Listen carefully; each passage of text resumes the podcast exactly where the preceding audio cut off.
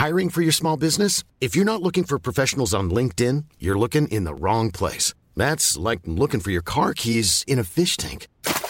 LinkedIn helps you hire professionals you can't find anywhere else, even those who aren't actively searching for a new job but might be open to the perfect role. In a given month, over 70% of LinkedIn users don't even visit other leading job sites. So start looking in the right place. With LinkedIn, you can hire professionals like a professional. Post your free job on linkedin.com slash people today.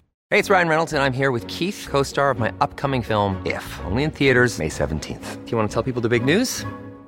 All right, I'll do it. Sign up now and you'll get unlimited for $15 a month in six months of Paramount Plus Essential Plan on us. Mintmobile.com slash switch. Upfront payment of $45 equivalent to $15 per month. Unlimited over 40 gigabytes per month. Face lower speeds. Videos at 480p. Active Mint customers by 531.24 get six months of Paramount Plus Essential Plan. Auto renews after six months. Offer ends May 31st, 2024. Separate Paramount Plus registration required. Terms and conditions apply if rated PG. Since 2013, Bombas has donated over 100 million socks, underwear, and t-shirts to those facing homelessness. If we counted those on air, this ad would last over 1,157 days. But if we counted the time it takes to make a donation possible, it would take just a few clicks. Because every time you make a purchase, Bombas donates an item to someone who needs it. Go to bombas.com slash ACAST and use code ACAST for 20% off your first purchase. That's bombas.com slash ACAST, code ACAST.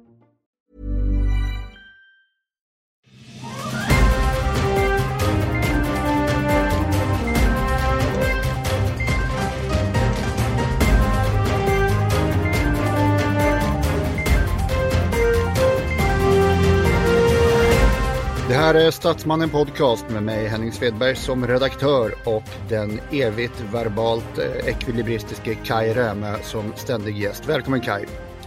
Tack ska du ha Henning! Hör du, eh, vi såg ju här i den här Tucker Carlson-intervjun så sa ju Putin att det var okej okay att döda sina oppositionella även i andra länder. Det är ju en obehaglig grej, eller hur?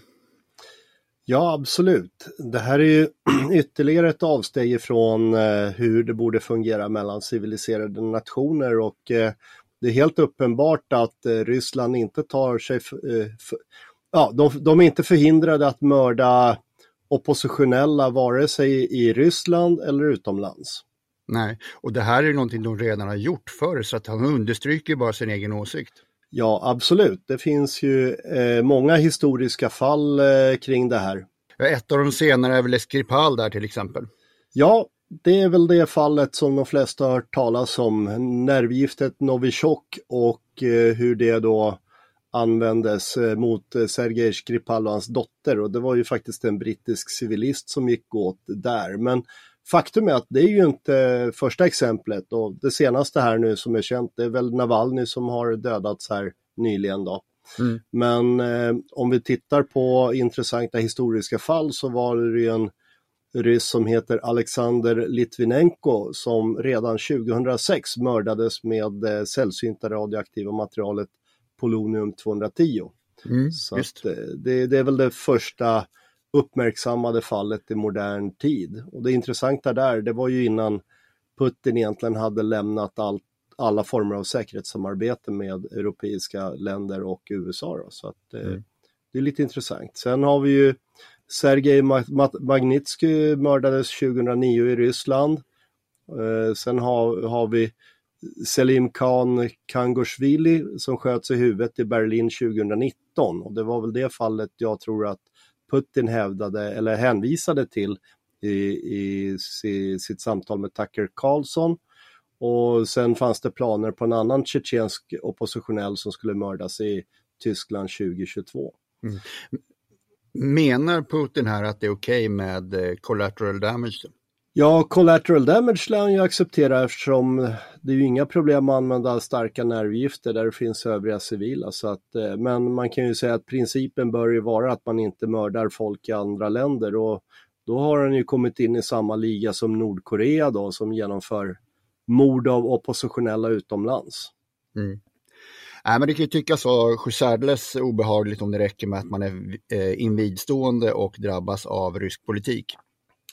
Ja, absolut. Och sen är frågan då eh, om det bara drabbar ryska medborgare eller så. Det är ju inte säkert. Eh, vi har ju, vi har ju trots allt eh, sett till exempel att i Estland här nu så har ju den estniska säkerhetstjänsten identifierat ett gäng som har bland annat förstört eller ja, haft skadegörelse på den estniska inrikesministerns bil och så vidare. Sen utöver det så fanns det ju kupplaner i Montenegro i valet 2016 så att de försöker med mycket påverkansoperationer här och mm. det är väl det som är problemet här att de har inga hämningar när det gäller det här. Nej. Är det, jag vet ju att man lämnade väldigt mycket ryss, äh, etniska ryssar så att säga i Baltikum när man drog, drog sig tillbaka på 90-talet. Är de här killarna lättare att äh, värva till sådana här grejer eller tar man in helt färskt folk? Ja, självklart så föredrar de ju etniska ryssar till det här och eh, det är ju som sagt det är svårt att skilja på ryssar och ukrainare så att eh, vi kan ju ställa oss frågan att bland de här ukrainska flyktingarna som har kommit till Europa, mm. hur många inbäddade ryska agenter finns det där? Det är också en ganska intressant fråga. Mm. Och då ställer man sig frågan, hur sannolikt är det att det händer i Sverige eller har det hänt i Sverige? Ja, sannolikheten för framtida händelser, det kan vi inte göra annat än gissningar eller spekulationer kring, mm. men eh, Faktum är att eh, den tjetjenske bloggaren Tumso Abdurrahmanov, han utsattes för ett mordförsök i Gävle 2021 och det är ju bara ett par år sedan så att eh, okay. det är ju ganska spektakulärt och jag har för mig att där har till och med Sveriges Radio gjort någon dokumentär om och det var en blodig tillställning där. Kommer vi nå gränsland här för vad som är? Ja, alltså politiska mord är ju aldrig okej okay i en nej, demokrati. Nej. Så att om vi tar den enkla biten, nej, nej men det som är intressant egentligen det är ju att om vi tittar på hur man definierar krig mm. rent generellt så kan man ju säga att förr i tiden så var det ju så att man var inte i krig förrän något land gjorde en krigsförklaring. Eh, och det var så det gick till. Sen mm. kunde det vara väldigt kort tid från krigsförklaringen till krigsinsatsen. Eh, Japans anfall mot Pearl Harbor var ju faktiskt en avvikelse under andra världskriget och det ansågs ju då inte vara gentlemannamässigt. Och eh, sen är det så att det är FN-stadgans artikel 51 som definierar när två nationer är i krig med varandra. Mm. Och förr så var det ju ganska tydligt att du har någon form av konflikt som eskalerar och sen går över i ett krig enligt FN-stadgan. Mm. Eh, det man ser som trend idag med det som kallas för eh, eh, ja, hybridkrigföring, det är ju att när är vi i krig?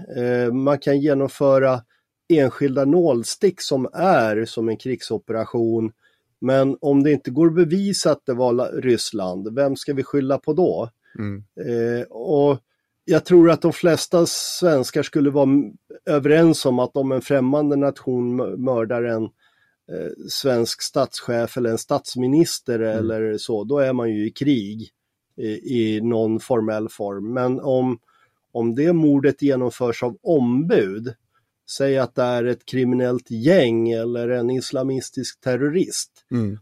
Och det är inte säkert att det är den, den som har så att säga initierat den här typen av eh, aktion, utan det kan ju vara, ja, egentligen om vi tittar på Musts och eh, Säpos eh, årsrapporter, eller årsöversikter, mm. då har de ju faktiskt skrivit att det finns en tendens till att använda ombud så det betyder ju då i praktiken att om, vi skulle, om man skulle vilja göra något sånt här så gör man det till exempel inte med rysk personal eller kinesisk eller iransk personal utan då kanske man lejer ett kriminellt gäng eller man kanske hetsar bland islamister så att de genomför det och då är de så att säga nyttiga idioter till den egentliga aktören i bakgrunden. Och då, då är frågan hur många sådana nålstick kan man komma undan med utan att det, det är de facto krig? Mm. Vad skulle Ryssland svara på frågan? Ja, de säger ju att de, de gör, håller inte på med sådana saker. Det är vad de säger officiellt. Sen mm. kan de ju efteråt medaljera folk och efteråt säga, jo, jo, det var faktiskt vi. Det var ungefär mm. som eh, annekteringen av Krim, att eh, Ryssland förnekade, förnekade och Sen blev det medalj och parader på Röda torget till slut. Mm. Men om eh, ett annat land gör samma sak mot dem tänkte jag? Ja, ja, då kommer de ju självklart att ta det som en krigsförklaring. Det tror jag vi behöver inte ens tvivla på det. Men, eh, men vi säger så här, det här är ju helt utanför normerna för eh, eh krigföring mellan länder som faktiskt är överenskommet i FN-stadgan hur det ska gå till i så fall. Och det, det är jättemärkligt där att Ryssland håller på, men det här är ju en varning för oss egentligen. Att eh, Putin sa ju i Tucker Carlson-intervjun att han tyckte att sånt var okej. Okay. Och det är ju ett indirekt godkännande av mord. Som jag ser det så är det statsterrorism rakt av. Eh, Ryssland bedriver statsterrorism. Vi har det senaste exemplet från den 13 februari. Det är alltså för eh, nio dagar sedan så mördades eh, då den avhoppade ryska militära helikopterpiloten Maxim Kuzminov. Mm. Han sköts ihjäl med flera skott i Spanien. Ett annat exempel är ju de här iranierna som skulle mörda tre framstående judar i Sverige. Eh, jag skulle anse att det var krigsförklaringar ifrån de länderna att eh, planera att mörda folk i Sverige, alltså sådana som är bosatta i Sverige eller har svenska uppehållstillstånd eller i övrigt befinner sig i Sverige av lagliga orsaker. Dödsstraff är fel och är det en stat som håller på med sånt här, då anser jag dem vara statsterrorister och jag anser att det är krigsförklaringar. Det är sådana nålstick vi inte får acceptera. Och hur hanterar vi dem? Ja, tyst diplomati antar jag, för vi pratar om Sverige. Mm. En arg tweet från Carl Bildt. Ja, ja. Eh, vi, vi, vi kan ju se fall där Iran till exempel har fängslat svenska medborgare på väldigt lösa grunder. Vi har en EU-tjänsteman där bland annat och jag anser att det är krigsförklaringar och jag anser att om Iran förser Ryssland med långräckviddiga robotar, vilket de verkar göra, så anser jag att de är deltagare i kriget och legitima militära mål. Mm. Så ser jag på saken. Jag är med. Mm. Alltså om man då ska infiltrera och på något sätt eh, begå de här formerna av aktiviteter, då är det ju liksom, vi har ju sett Botkyrka till exempel att man har tagit sig in i politiska partier. Va, vad säger du där i hoten?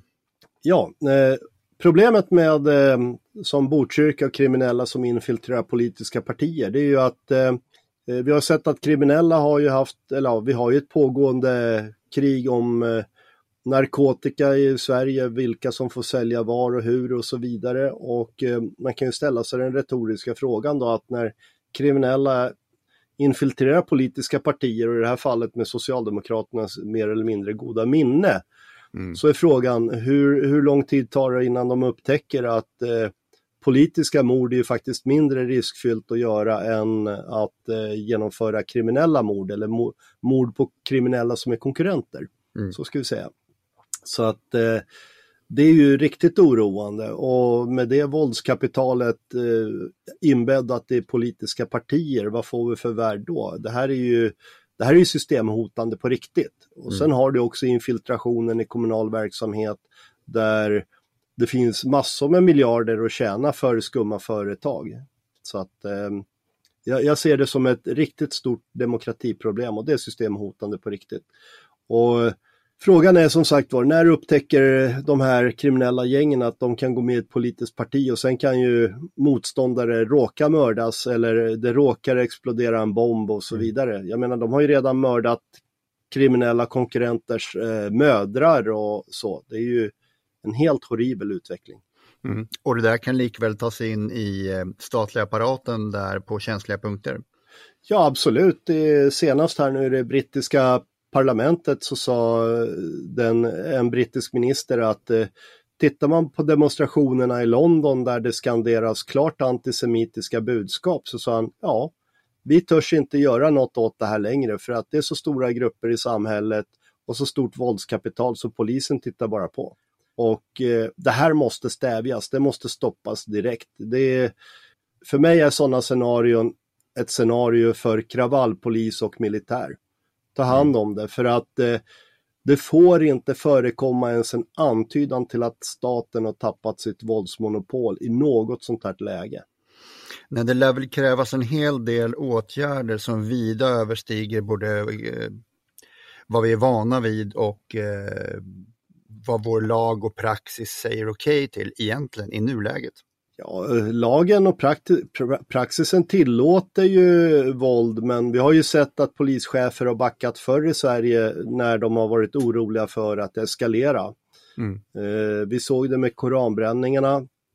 Det har ju till och med hänt fall där demonstrationer har urartat om man har som polischef så har man lämnat poliser i skiten och det är helt oacceptabelt. Eh, jag ser det som så att eh, samhället eller staten måste visa att man är den som har ensamrätt på våldsmonopolet. Det ska inte finnas någon som utmanar den överhuvudtaget. Ur mitt perspektiv är det så att då ska vi komma med tio gånger fler folk än buset och sen ska vi paketera ihop dem. Men vi kan ju konstatera att vi behöver utöka verktygslådan och då menar jag verkligen med ett ja, faktiskt aktivt våldsanvändande mot den här typen av kriminalitet, om det behövs. Mm. Här är vi inne i den här situationen igen att Polismyndigheten är ju underbemannad. Vi skulle antagligen behöva 50% fler poliser bara för att komma upp i europeiskt snitt i polistäthet. Går det att göra utan att sänka kraven? Ja, både ja och nej. Eh, man kan ju ställa sig frågan att eh, Försvarsmakten har ju infört eh, två, ett trebefälssystem och du har ju då officerare, specialistofficerare och sen så har du då värnpliktiga ja, specialistofficerare, låt oss kalla dem för det då, eller GSS mm. som det heter då. Gruppchefer, soldater och sjömän. Och eh, det är klart att om Försvarsmakten fungerar fortfarande med ett trebefälssystem så kan man ju ställa sig frågan att varför kan vi inte ha poliser som bara är inriktade mot yttre tjänst eller ingripande verksamheten. Alltså bonk och bank, inte så mycket sitta på kontoret och utreda utan faktiskt synas ute på stan. Mm. Och sen bör vi fundera på om eh, man behöver ha ett gendarmerisystem. Jag skulle kunna tycka att utöka militärpolisen i så fall och ge dem vanliga polisiära uppgifter i så att säga vardagen. Mm. Vi har ju ett gendarmerisystem både i Spanien och i Frankrike och Carabinieri det motsvarande i Italien mm. och det är, det är system som funkar och, och det är de du tar fram om det blir riktigt jobbigt, det vill säga tyngre utrustning inklusive bepansrade fordon och så vidare. Och frågan är om vi inte har hamnat där. Mm. De som säger att vi inte ska bruka mer våld än vad vi gör för att det är fel, vad säger du till dem? Ja, det är som med mobbaren på skolgården vill jag hävda. Eh, någonstans så måste man ju sätta stopp på mobbaren och lågaffektivt bemötande, samtalsterapi och sånt där, det ju, brukar ju inte fungera utan mobbaren brukar sättas på plats av någon som är större och starkare och sen är det färdigt. Mm. Och för att vara större och starkare än Putin så behöver vi europeiska kärnvapen kanske? ja, jag har skrivit lite grann om det och det är ju mer kopplat till osäkerheter kring amerikanska presidentvalet och vem som blir president och vilka faktiska åtaganden USA kommer att göra. Men det är ju det är en helt annan diskussion så att eh, ja, den är intressant. Eh, tyska socialdemokrater undrar om inte, ska, om inte Europa ska ha kärnvapen och så. Det, det är en svår diskussion, men den är nödvändig för det är någonstans eh, som Teddy Roosevelt sa en gång i tiden. Carry a big stick and speak with a soft voice. Mm. Men skulle Putin bry sig om, eh, han bryr sig inte överhuvudtaget, det är en av hans styrkor att han kan offra människor i sådana uh, mängder så att, och, och det rör honom inte i ryggen. Kommer hotet om kärnvapen där vara effektivt? Absolut. I praktiken så består Ryssland enligt Putins definition, det är Moskva, det är Sankt Petersburg och resten är periferin. Mm. Om du tittar på vilka kategorier soldater han har offrat så är det ju från periferin, ryska minoriteter. Det är ju inte folket ifrån Sankt Petersburg och Moskva som eh, skickas till eh, köttkvarnen i Ukraina utan det är periferin och faktum är att det är därför du ser mer protester i periferin också för att eh, de börjar ju undra om det inte är etnisk rensning av icke-etniska ryssar i Ryssland. Men vi har lite annat också på hemmaplan, det var en del rapporter som har släppts här. Jajamän, Must och Säpo har släppt sina årsöversikter och de är ju intressanta för de nämner just det här som jag tog upp här med eh, att man genomför eh, operationer genom ombud, att man riskerar inte då rysk eller kinesisk eller eh, Iran, iransk personal utan man har de här ombuden och man tar ju upp allt det som har hänt, allt ifrån cyberarenan, eh, påverkansoperationer och så vidare. Och för övrigt så såg jag att FRA har släppts in också, men det är mer ett glättigt papper för att de är så hemliga så att där finns det inget, inget matnyttigt. Men det som är väl, verkligen viktigt med de här rapporterna är att man måste ta dem på allvar och man måste tänka på det värsta scenariot. Vad är det, det värsta som kan hända? Eh, titta på kommunvalen eh, 2026 när de kommer sen. Mm. Vad kan hända i politiska partier eller mot politiska partier genom ombud? Eh, börja titta på faktiskt partier om de är infiltrerade. Eh, man kan ju se till exempel att vissa klaner försöker infiltrera vissa politiska partier på kommunal nivå för att komma in. Och eh, här måste man hålla rent hus för vi kan inte ha politiska eh, klanpartier om jag uttrycker saken så, fast de har kanske en etablerad eh, stämpel som att nej men de är moderater eller socialdemokrater eller något annat. Så att eh, där måste vi börja titta efter då. Och det är samma sak när man anställer folk att eh, vi bör börja kolla folk noggrannare vad de har för bakgrunder. Och eh, som jag ser det, det här blir ett jättestort problem till valet 26. Eh, mm. Nu har vi ett EU-parlamentsval här i höst. Eh, problemet där, det är ju snarare om man ser påverkansoperationer för att försöka minska EU-stöd till Ukraina. Det, kom, mm, det, mm. det, kommer vara en jättestor puck. Eh, och eh, det som är så bra i Sverige det är att stödet till Ukraina bland riksdagspartierna är ju väldigt stort så att det är ju ingen som är emot. Men det är klart att vi i Medborgerlig Samling vill stödja Ukraina ännu mer än de politiska partierna och upprusta Sverige ännu fortare än riksdagspartierna vill. Men det är ju det är deras bekymmer att de inte är lika realistiska i sin politik som vi är. Mm. Ja, det är tråkigt att inte Medborgerlig Samling sitter som eh, majoritetsinnehavande regeringsparti. Ja, det kommer en chans 26 och framförallt så är det Europaparlamentsvalet 24 att eh, skicka dit oss alla medare. Vi har 14 kandidater och vi har ungefär 21 platser i Europaparlamentet. Så det skulle vara helt underbart om Medborgerlig Samling fick alla sina representanter dit. För att eh, vi är helt klart mycket mer för både Ukraina och se till att undvika kriget i Europa men inte till vilket pris som helst, det vill säga vi inte villiga offra, offra Ukraina utan det vi säger är istället att eh, vi vill eh, att kriget ska ta slut i Ukraina genom att vi stöttar Ukraina så mycket så att Ryssland faktiskt förlorar det kriget. Det är det enda rimliga. Bra Kai. Eh, har du några avslutande ord? Ja, absolut. Läs de här årsöversikterna från Must och Säpo. Jag har länkat till dem eh, på min eh, blogg, statsmannen.se. Yep. Och det viktiga där är att om man gör några skumma observationer, misstänkta aktiviteter med mera, så ska du lämna in ett tips till Säkerhetspolisen, för de lägger pussel varje dag.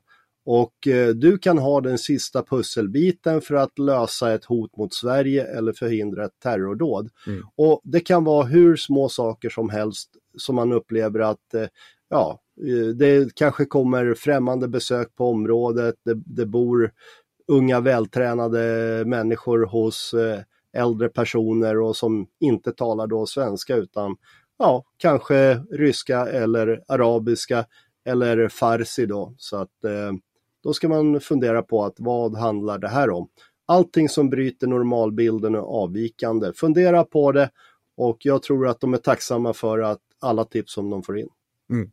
Du ska tack för det Kai. Jag vill bara säga att vi ska inte bara tipsa Säpo om saker och ting. Vi ska även tipsa våra vänner om att den här podcasten finns och att man kan gå in på statsmannen.se och läsa sig mätt på en massa åsikter och insikter som Kai Räme har. Jajamän, det stämmer bra det Henning. Tack så mycket Kai. Tack Henning. Hej.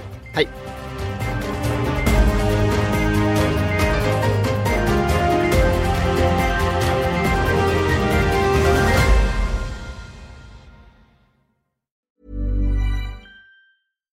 When we're on a budget, we still deserve nice things. Quince is a place to scoop up stunning high-end goods for 50 to 80% less than similar brands. They have buttery soft cashmere sweaters starting at $50, luxurious Italian leather bags, and so much more. Plus, Quince only works with factories that use safe, ethical, and responsible manufacturing. Get the high-end goods you'll love without the high price tag with Quince. Go to quince.com/style for free shipping and 365-day returns.